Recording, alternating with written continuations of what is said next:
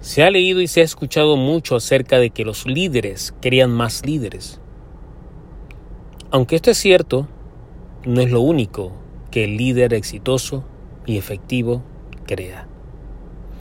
Hola, soy Freddy Guevara y bienvenidos a un episodio más del Build and Battle Leadership Podcast Construye Batalla. Todo líder efectivo enseña a otros a liderar y a seguir. ¿Sí? ¿Es así? Así como lo escuchas, el verdadero liderazgo no solo es la creación o desarrollo de más líderes, pero también de más seguidores. Hablemos claro, no todos tienen que ser líderes. Recuerda incluso que para que haya liderazgo, tiene que haber seguidores. Los líderes efectivos y exitosos tienen seguidores excelentes, de alto rendimiento, que son colaboradores competentes y que con el trabajo de ellos, con su compromiso, con su lealtad, ayudan a sus líderes a alcanzar los objetivos de una organización. Los seguidores son parte de la esencia del liderazgo y forman parte del éxito y fracaso no solamente del líder, pero también de la organización. Yo sé que ustedes van a argumentar que sí, no es que necesitamos más líderes. Realmente ustedes creen que necesitamos más líderes. Sí, podemos estar de acuerdo en eso. Necesitamos más líderes capaces de liderar. Más líderes capaces de prestar servicio y de ayudar a otros a desarrollarse.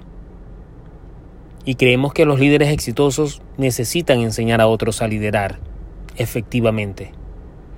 Pero recuerda, no puede haber liderazgo si no tenemos una gran, una, una masiva fuente de seguidores. Si no tenemos seguidores, no puede haber liderazgo.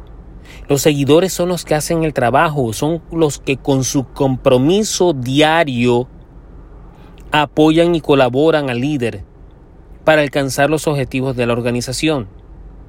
Y eso es invaluable. Tenemos que recordar que sí, tú como líder sigue creando programas de desarrollo para nuevos líderes y para futuros líderes. Pero recuerda, no solamente se trata de crear más líderes. Si tú quieres ser exitoso como líder, efectivo como líder, tú tienes que desarrollar tu base de seguidores. Porque al final del día, son ellos los que hacen el trabajo. Así que ya sabes, si quieres ser un líder efectivo y exitoso, enseña a otros a liderar, pero también a seguir. Crea más líderes, pero también crea más seguidores.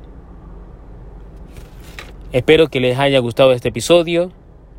Si es así, mil gracias por escuchar y compártelo.